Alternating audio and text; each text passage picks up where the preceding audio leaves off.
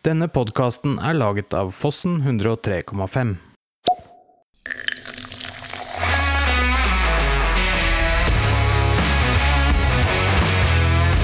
Spis! En podkast om mat for hele Ringeriksregionen.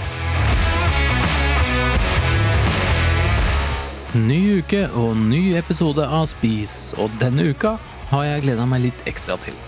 Det er fordi dagens gjest er en person jeg har oppdaget at jeg har ganske mye til felles med, og som fremdeles er et litt ubeskrevet blad sånn rent lokalt. Det er kanskje ikke så rart, for han har ikke bodd her like lenge som mange av de andre mer beskrevne bladene. Men så er det en ulempe, særlig for meg, med dagens episode, og det er at den må foregå på engelsk. Det er helt enkelt fordi dagens gjest, mannen med det kuleste navnet Tim Steinhardt, er australier, bosatt i Hole. Nå snakker Tim absolutt ålreit norsk, men jeg tror allikevel det er bedre at dere lever med min stotrende engelsk i akkurat denne episoden. Men nok småprat, vi skal straks høre masse om hva Tim driver med, men først dette.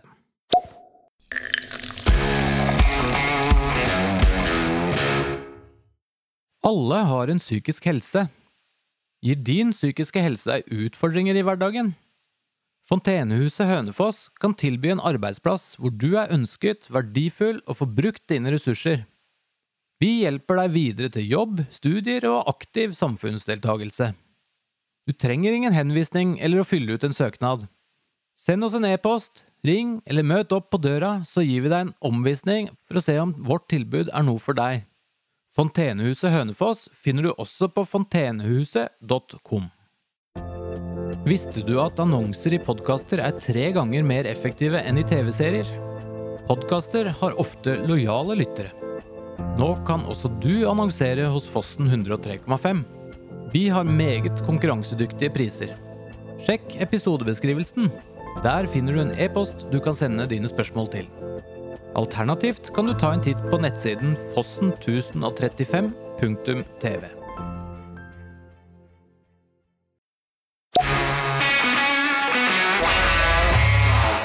So finally, we get to do an episode in English, and it's not something I've been looking forward to, but uh, I have been looking forward to having Tim in the studio, and you've come all the way from Australia, and uh, but why? Like most men, it starts off with uh, meeting a Norwegian woman. Exactly, like this fair, blonde, smart Norwegian. Yeah, exactly. Beautiful, Exactly. intelligent, smart, all that stuff. Uh, we met in Brisbane. She was studying university, um, and we just hit it off. And then uh, the time came when her visa ran out, so she had to make a decision to stay in Australia or come back to Norway. Um, so we were basically tossing up what we were going to do with that situation, and then. Uh, during the time when I was getting close to making the crucial decision, we had a huge flood in Brisbane where I was living and working. So the restaurant I was working at got destroyed. So then I was left without a job. And that basically made the decision pretty simple. So we moved to Norway and then the rest is history. So you were working as a chef uh, in Australia before. Yeah. I'd been working as a chef for six or seven years. So I started to sort of climb the ladder and get start to really think that now things are happening. All the hard work is, be, well, not all the hard work, but the the apprenticeship and the training and things are starting to pay off. And now I'm getting to head chef levels of really good kitchens and kind of getting ready to make the next move of buying a restaurant or something like that. Uh, and then that all got turned upside down with the flood. And then coming to Norway, it wasn't necessarily starting from scratch, but it was kind of a bit start starting again in a way, but that was quite exciting as well. Moving to a new country and completely different opportunity and whole new culture and people and yeah, the way things are done is so that that was actually quite a good experience and a learning curve. Of course, and uh, quite different produce, I would imagine. Uh, yeah, at least had to be a bit more seasonal in Norway, which in Australia we really don't. It's one season. Basically, you can get fresh stuff the whole year, fresh meat, fresh veg, everything is fresh.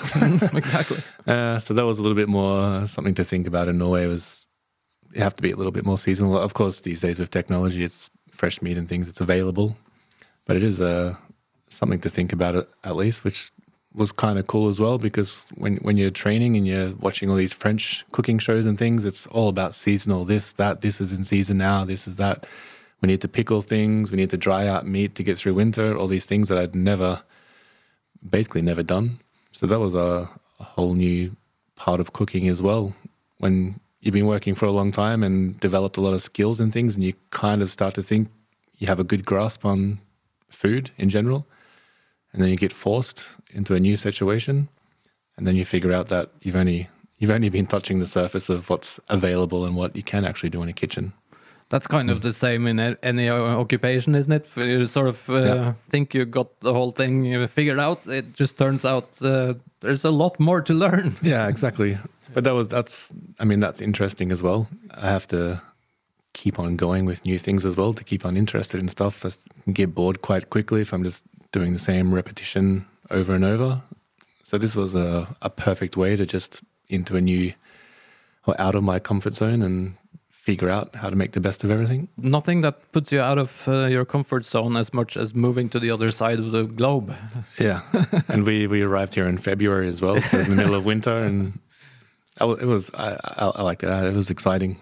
You like to take photographs. Uh, I see some of your photographs on social media, and it's uh, often very scenic and often nature focused, and uh, Yeah. often quite a lot of snow. So you've grown to enjoy the climate. Yeah, the the cold is not actually such a problem for me, and the the nature, especially where we live out here, is something really special that it's not not so common, especially in a big city, of course. So when I'm taking some photos of the products or just what I'm doing during the daytime, that's always consciously in the back of my mind about the surroundings, and I think it's important to capture that a little bit because it's quite special, uh, especially during the winter with the snow. It's especially in the workshop if I'm welding and there's a lot of sparks and heat, but then just five or six meters away on the edge of the workshop, it's minus 10 and snowing. It's a really, really special thing, and I, I try to capture that as good as I can. Yeah, you do a good job at it. We'll Yeah, have to get back to that uh, welding part because that's a keyword. We'll uh, yeah. But before that, so you flew over here. Uh, it was cold. You got uh, adjusted in every way, and and you started working. But um, so how did you get uh, on with that? Uh, first of all, I need to have a visa to come here from Australia, of course. So that was the way to get that was through a skilled workers permit, as a, of course being a chef. Uh, so I needed to get a job before I came here, part of the requirements. So my wife, a friend of a friend, kind of thing, had a hotel in Larvik. Uh, so we managed to sort out something with that, where I would go and run this kitchen in the hotel. So that was the first job I had, and I was there for six months, and then. Uh, my wife, or girlfriend at the time, was living in Oslo, so I was transporting back on my days off and a bit here and there. But it became time where we realized I had to get a job in Oslo. Uh, so a little bit lucky as well with some help from my wife's friends that had heard of some chefs looking for some help. So it happened to be uh, Saint Lars in Bislett. It was uh, run by Andreas Viestad, celebrity chef at the time. Yeah. And that was quite funny because I'd been watching him on TV. He actually was yeah, he made those uh, English uh, cooking shows. Yeah. So I'd been kind of watching that, Yeah. preparing myself for Norway. And then uh, I went for an interview at St. Lars and had a trial. And they were like, yep, if you want the job, it's yours. So, of course, I said, yep, I'll, I'll take it. Uh, and that was actually using a charcoal grill with, uh, at that time at least, it was, or still is too, a good reputation for meat and grilling. So that was a really cool job. And then uh, one day, Andreas Viestad just come in the kitchen and started talking. And I, I was I was starstruck actually, like- and I didn't know what he was doing there because I didn't know he owned the restaurant. Oh, you didn't know. So I was a little uh, a little bit confused, uh, but he didn't. I was working on the grill that day, and he did. Uh, we had halibut quite on the menu, and he'd come in and said that that was the best cooked fish he'd had.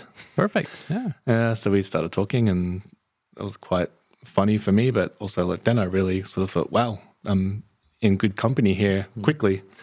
Uh, and the chefs that were really good there, and we had a good team of. Uh, the whole restaurant was full of good personnel. There's some sommeliers working there that were really skilled, and I worked there for a couple of years and just got a really good network of chefs in Oslo and got into that scene quite quickly, luckily, and made a lot of good friends. And that's a network that till this day I still have good contact with and gives me opportunities to sell products and, and meet other people as well in the industry. So it's a that was a really good start for me in Oslo. I'd have to say to everyone uh, listening that's never been to St. Lars, uh, it's uh, it's one of the classics. Uh, Hmm. So I think you, you should uh, book that table pretty soon. Check it out, Yeah. for sure.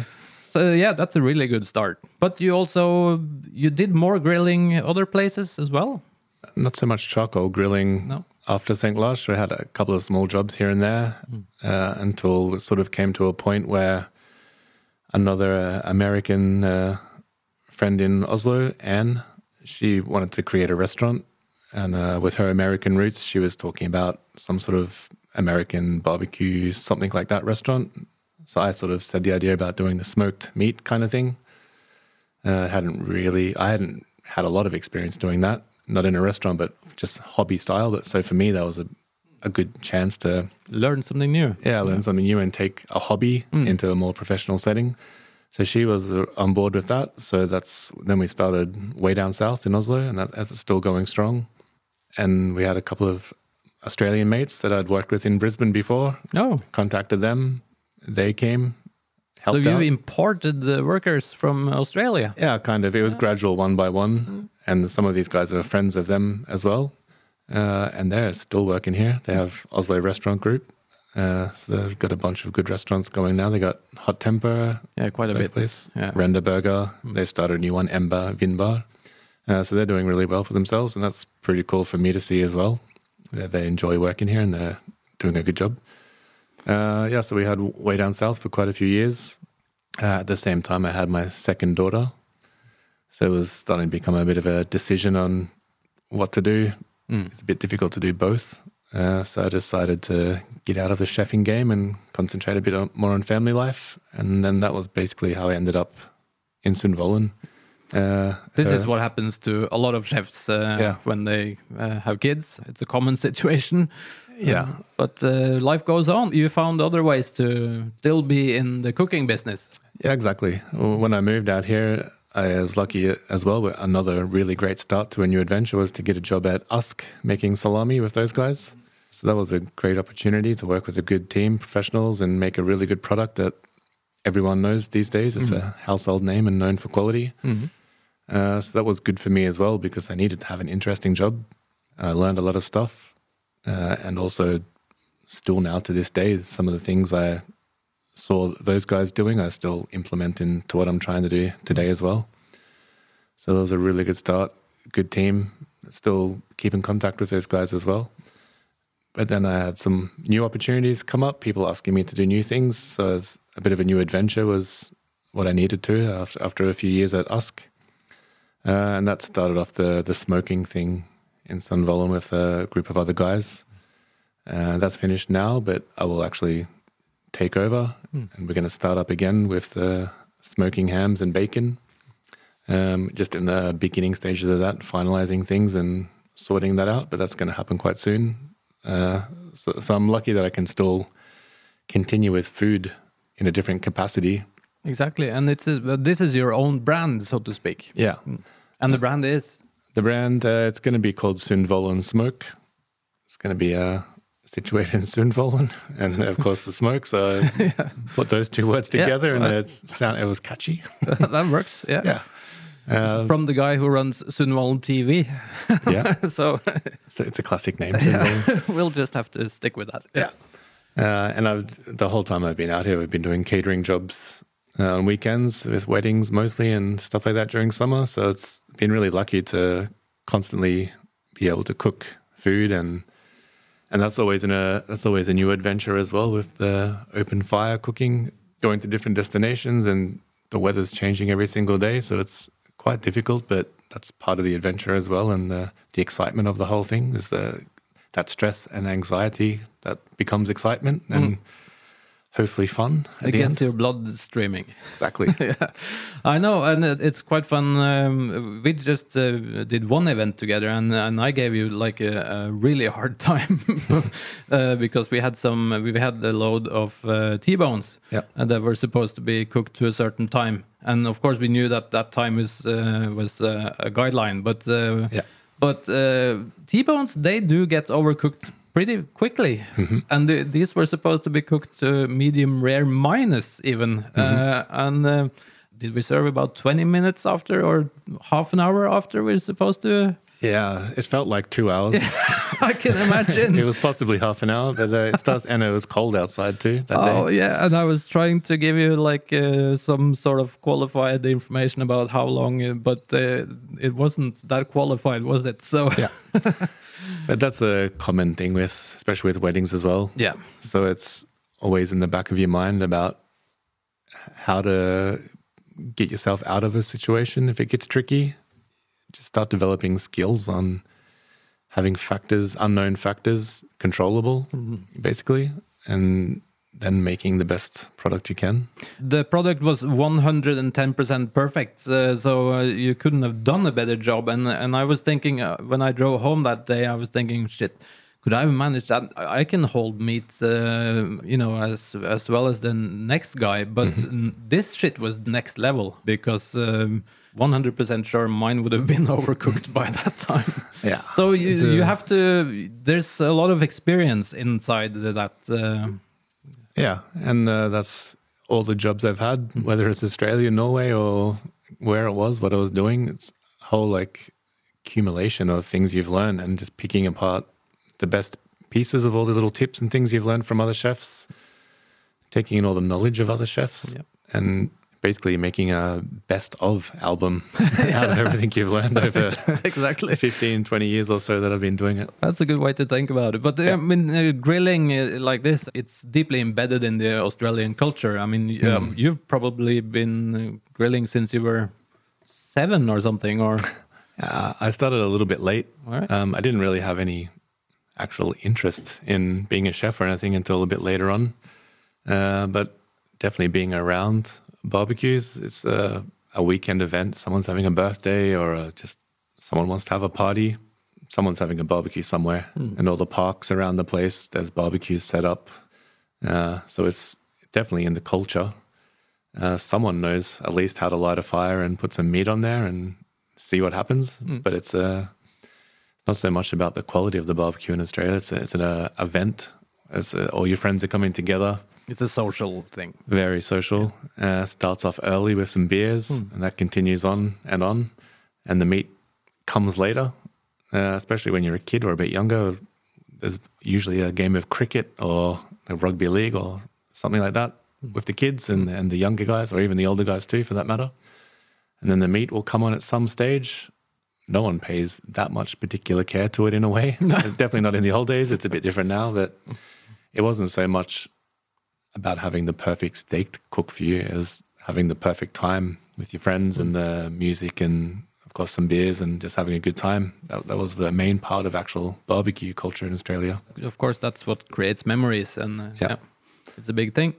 Uh, but this uh, leads me on to uh, the words. Um, uh, you said Barbie, barbecue. Um, we said grilling, and uh, and of course you were doing uh, American style barbecue with uh, with Anne. But these words they mean different things to different people, and sometimes Yeah. they mean different things in different situations. Yeah.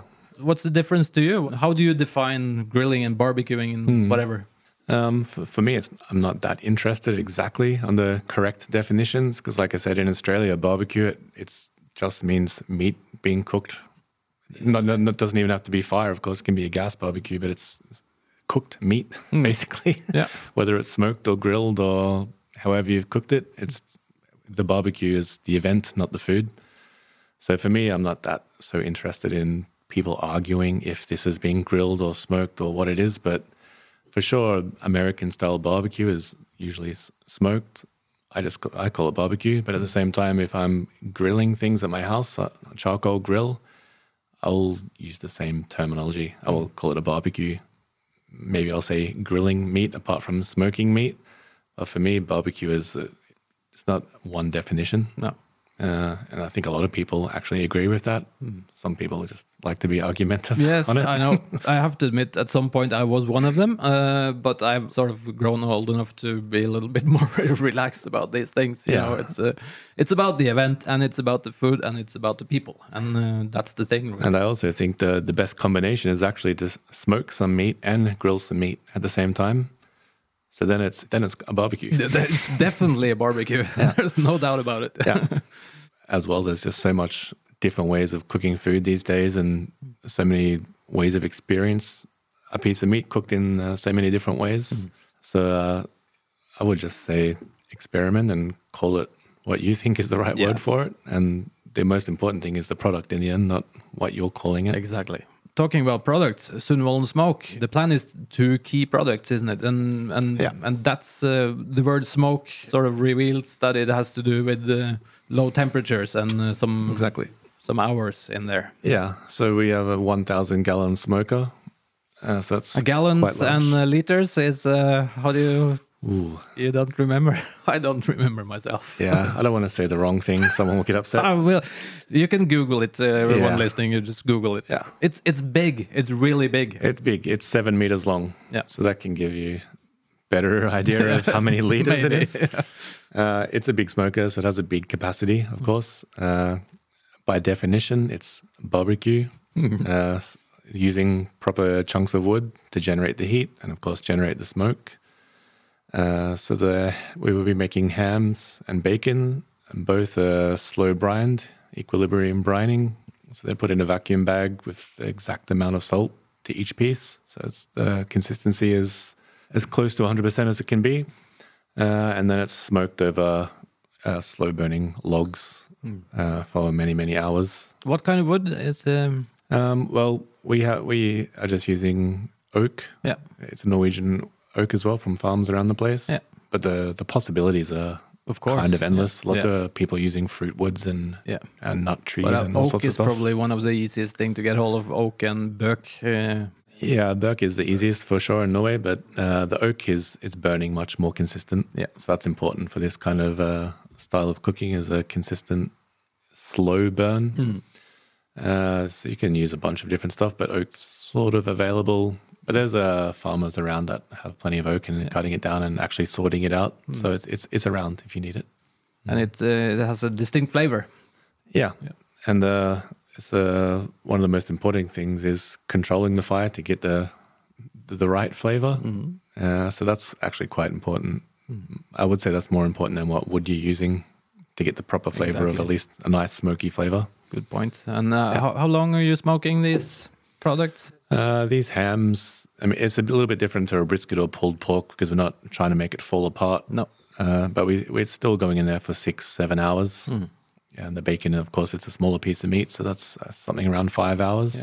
And we're talking about 100 degrees, 110. Yeah, 100, 110, 120 degrees Yeah. around that around that area is the for me at least is sort of the magic number. And uh, you know, for those who have not tried uh, properly home smoked uh, bacon and ham, for that matter, it's uh, it's a different ball game than what you buy in the shops. It, it, it's Yeah. basically a totally different product.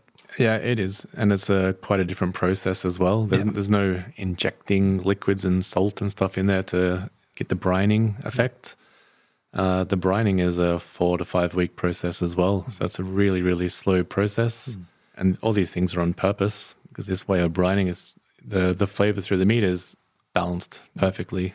And that's because of the slow process. Um, you're also eliminating the chance of it being too salty or not salty enough to be properly cured uh, because we're measuring the salt for each piece of meat. Um, so that really helps with shelf life. It also helps with the texture. The texture is much nicer. Uh, and cooking wise, with the smoke, you get this beautiful texture on the outside and beautiful smokiness on the inside. And the inside is still just it's natural moisture. So the it's it's not there's no watery flavor. It's the, the flavor is from the the fat that's slowly melted down in between the muscles.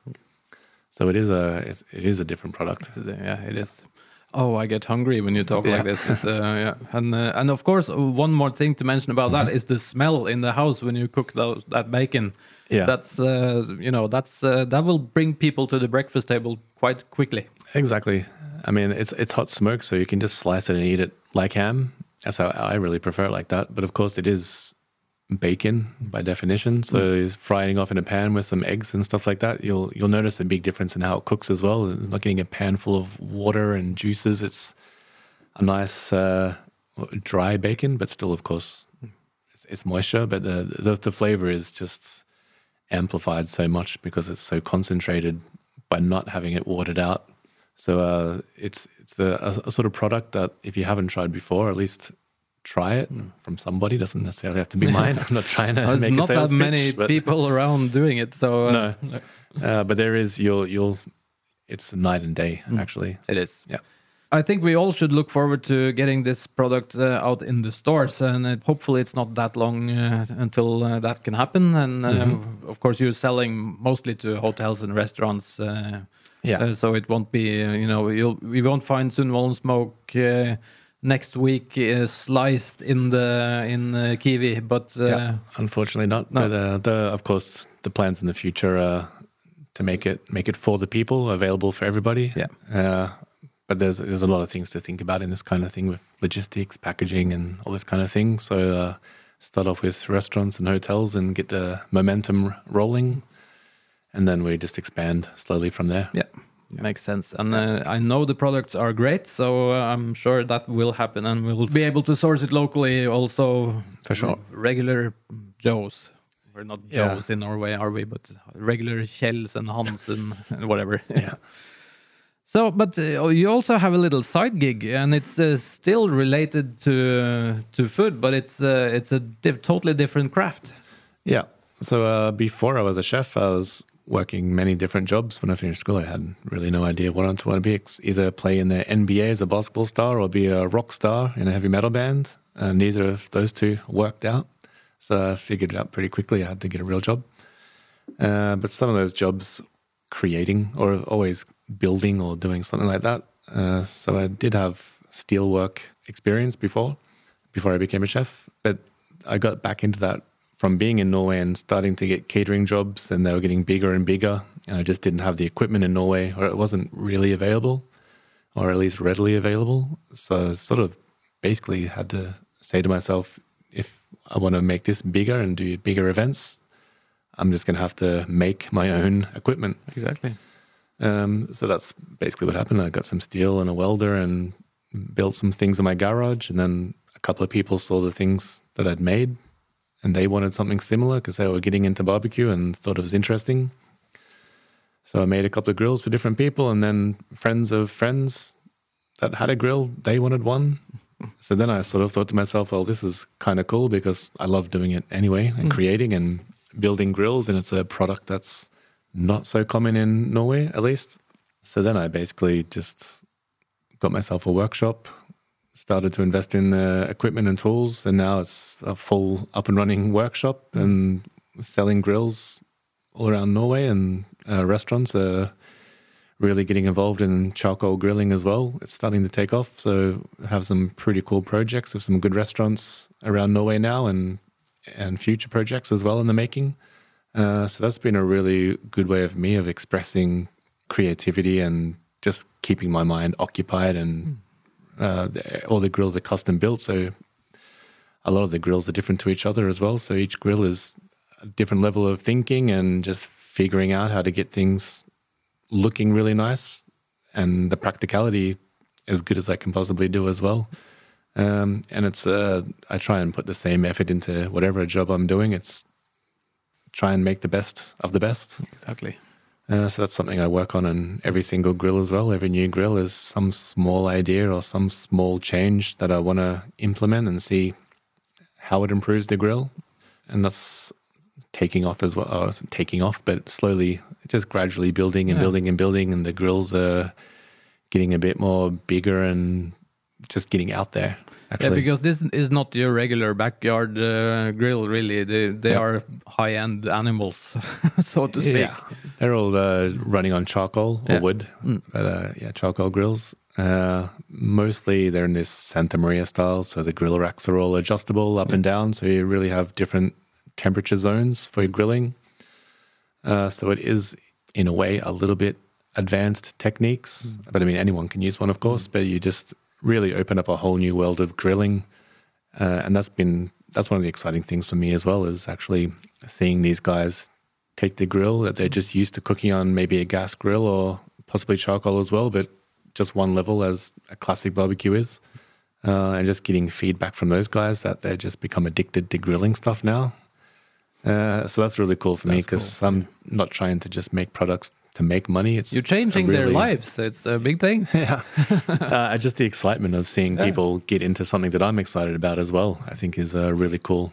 I think we have to in the episode description here. We will have to link to your uh, Instagram or something so you can see those grills because they really are beautiful. And thanks. uh, and I want one, but um, I'm afraid I'm I probably can't afford one. They're rather expensive, aren't they? Yeah, they they are expensive, uh, and that's not because I'm trying to get rich. It's just the material costs. Yeah. especially Steel, lately. it's- Yeah, they're all. I mean, it's stainless steel. It's all thick. They're over engineered. I would say by definition, uh, but they're basically uh, lasting a lifetime. It's not the grill that ends up in the in the rubbish after a couple of summers. Uh, so it's a. I see it as an investment. Correct word. Yeah. Yeah, and also for me, I, I try and make them look as good as possible. So it's kind of I feel like I'm trying to create art for people as well in, in, a, in a way. Yeah, to have in their yes. backyard is something where people come to your house and see uh, this beautiful grill and No one's going to see those grills and uh, be, uh, you know, sort of not influenced by it. yeah, exactly. for me, I don't have a grill of myself to be honest. no, I've seen what you ship around, and it's. Uh, Yeah. I've, I've borrowed one from you on occasions, and it's uh, you know. But this is the thing: you can make great food on pretty much anything, so uh, you don't Exactly. you don't really need it. No, you can, like you said, if, as long as you have some fire somehow and a piece of meat, you can you can cook it. This way is just a way of upgrading your game, and of course, there's a level of precision in anything to make it perfectly. But this is definitely a tool that you can use uh, to help with that, uh, and especially in the restaurant scene. I mean, they have. Uh, they're all built to order, like I said. They can be as big as you want, but it's a high capacity as well with the way they're designed and set up. So you can really cook food for a lot of people on these grills too, which is not possible on the on the sort of classic standard one level grill. No, exactly. Yeah. So it's a it's a different ball game. No, but they are, really are beautiful. Check them out. you. Watch the links and uh, and share it because they are beautiful.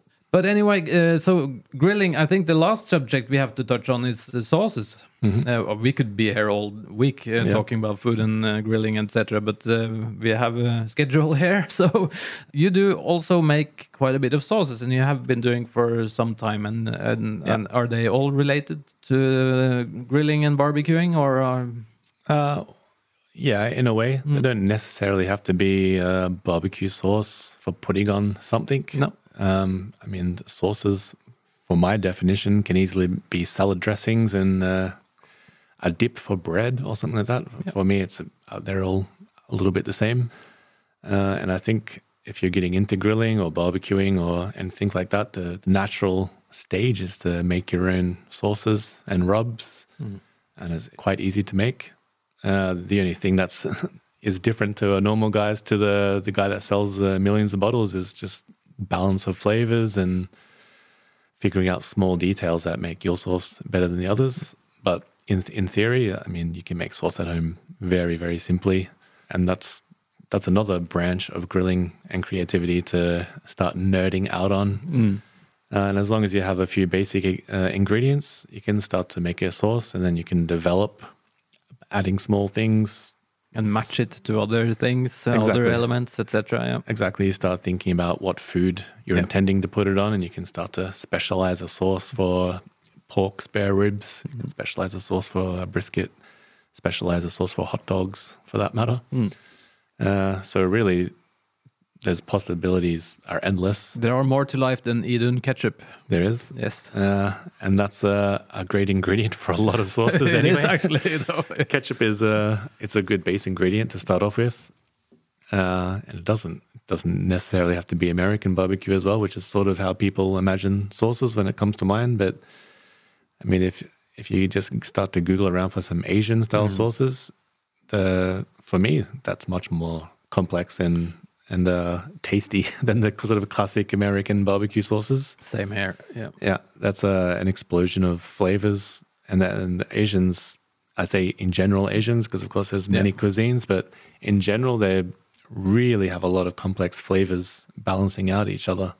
Uh, so for me, it's a lot of fun to try and create these sauces, but also when you're serving these to people as well, it's a whole new experience for them. A lot of the time, they haven't tried these things before, so it's It can be a- a little scary for people in the fish sauce and uh, etc. I've uh, mixed uh, experiences with serving these kind of things, but Mm-hmm. uh, sometimes they are different smelling and uh, Yeah. different, little funky sometimes, you know. Yeah. But I think it's an acquired taste.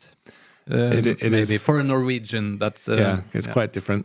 Uh, but that's kind of the the enjoyment about trying to make these sauces as well as some sort of uh, ingredient like shrimp paste or something. Yeah, it's exactly. Quite disgusting. Yeah. if you're going to be honest. Yeah, But to make a sauce using that ingredients is quite a challenge. But when you start to sort of nail it and figure out, like, now I don't smell the shrimp paste or I don't just taste shrimp paste, now there's uh, lime juice, fresh, a lot of fresh herbs, a lot of sugar to balance out the saltiness. Hmm. And you start to make these sauces that are really, really good with all these kind of crazy ingredients that you hmm. might find from these kind of stores. Hmm. Then is- for me, it's just a level of excitement and, and fun and creativity that you just don't find from buying things from the store already made. I agree. Actually, I, when you mention it, I have to mention that just uh, about a week ago uh, in uh, this channel's Facebook group, we dropped a, a recipe for some Thai crab uh, sauce that includes like a chili paste with this funky Yeah. shrimp paste and uh, etc. And it's really that's a good place to start if you now think it's uh, this sounds interesting, but you feel uh, unexperienced. Have a look at that one. It's really easy to make. The ingredients are easily sourced locally Yeah. and uh, it's uh, it's different and it's really tasty. So For sure, I can yeah, imagine. It's a good one. But so, what's your favorite uh, Asian sauce these days, or do you make a different one every time, like me, most of the Yeah, time? Yeah, it's mostly mostly just freestyling mix and things match, yeah. in a way. But I would, I mean, one that's just a real classic and probably the most simple to make and goes almost with everything you could say is some kind of ponzu sauce, which a lot of people have heard of these days, but that can be quite as as simple as just getting some soy sauce, some fresh lime juice, a little bit of sugar, and then toss in some fresh herbs. Uh, put some chili in there, of course, if you like. But more or less, you have something salty, something acidic, and something a bit sweet. Put them together, and you have something quite good to have. You can have it on a salad, and you can Yep. dip your meats in it. You can you can do pretty much anything with that kind of. Um, Exactly. I would recommend to some people to go into these sort of Asian, uh, sort of the foreign stores, uh, and just kind of go around and you can just buy a bunch of different stuff, even if you don't even know what it is. Just buy a couple Yeah. of bottles of this and that and take it home and just experiment a little bit. Worst case scenario, you make something that's not that great and you can just throw it away. But then the next time you're planning on making something, you'll have learned. And then it doesn't take long to have something that's quite enjoyable. And it's just a completely different way of serving food to people when you've made it yourself. Totally agree. And I've been, you know, I'm sort of addicted to these kind of uh, sauces these days, and I do eat a lot of Asian food at my house, and and uh, and it's you know it's those quick twenty minute meals also with the, Yeah. in a busy day when the kids are going to places after school, and you know you have pretty much the time you have is the time it takes to cook the rice, and then Yeah. I'm just addicted to having that sort of uh, either the the lime juice, uh, soy sauce, sugary, herby, or chili uh, Yeah. infused uh, sauce, or or just I chop some bird's eye chilies and mix with the fish sauce Yeah. uh, on top of my curry or anything anything with rice basically, and Yeah. it just that makes my day to be honest. Yeah, and, and you, it's perfect for making a quick meal if you have kids or something as well, because you can easily just even uh, skip the rice, since that might be the thing that takes the longest to cook, and, and some people find it challenging. But you can buy just some egg noodles or something from the store. Yep.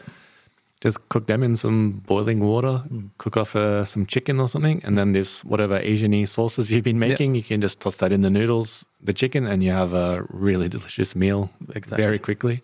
I agree. Yeah. But also, uh, I have to say, I didn't buy a rice cooker until uh, a couple of years ago because I was one of those uh, stupid guys uh, going around. How difficult is it really to cook rice? Uh, and and it isn't difficult to cook rice without a rice cooker. Yeah. But a rice cooker is really practical because it's it just you just set it and forget it. Yeah. And uh, and it just keeps it warm and it's uh, so it's a beautiful investment. You can get a small one for like 300 kroners, I think, and it's worth Yeah. it. So um, Yeah, that's sure. my um, that's my five cents on rice cookers.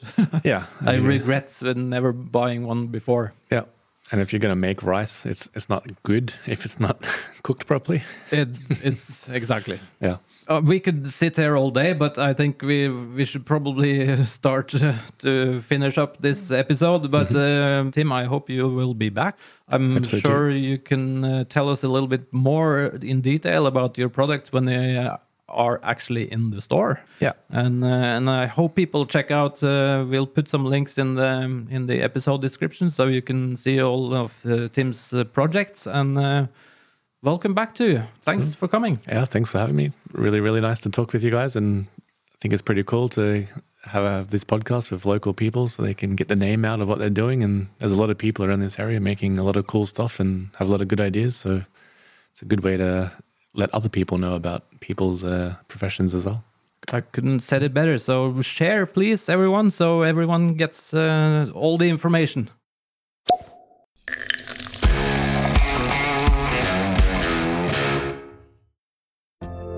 Visste du at annonser i podkaster er tre ganger mer effektive enn i TV-serier? Podkaster har ofte lojale lyttere. Nå kan også du annonsere hos Fossen 103,5. Vi har meget konkurransedyktige priser. Sjekk episodebeskrivelsen. Der finner du en e-post du kan sende dine spørsmål til. Alternativt kan du ta en titt på nettsiden fossen1035.tv.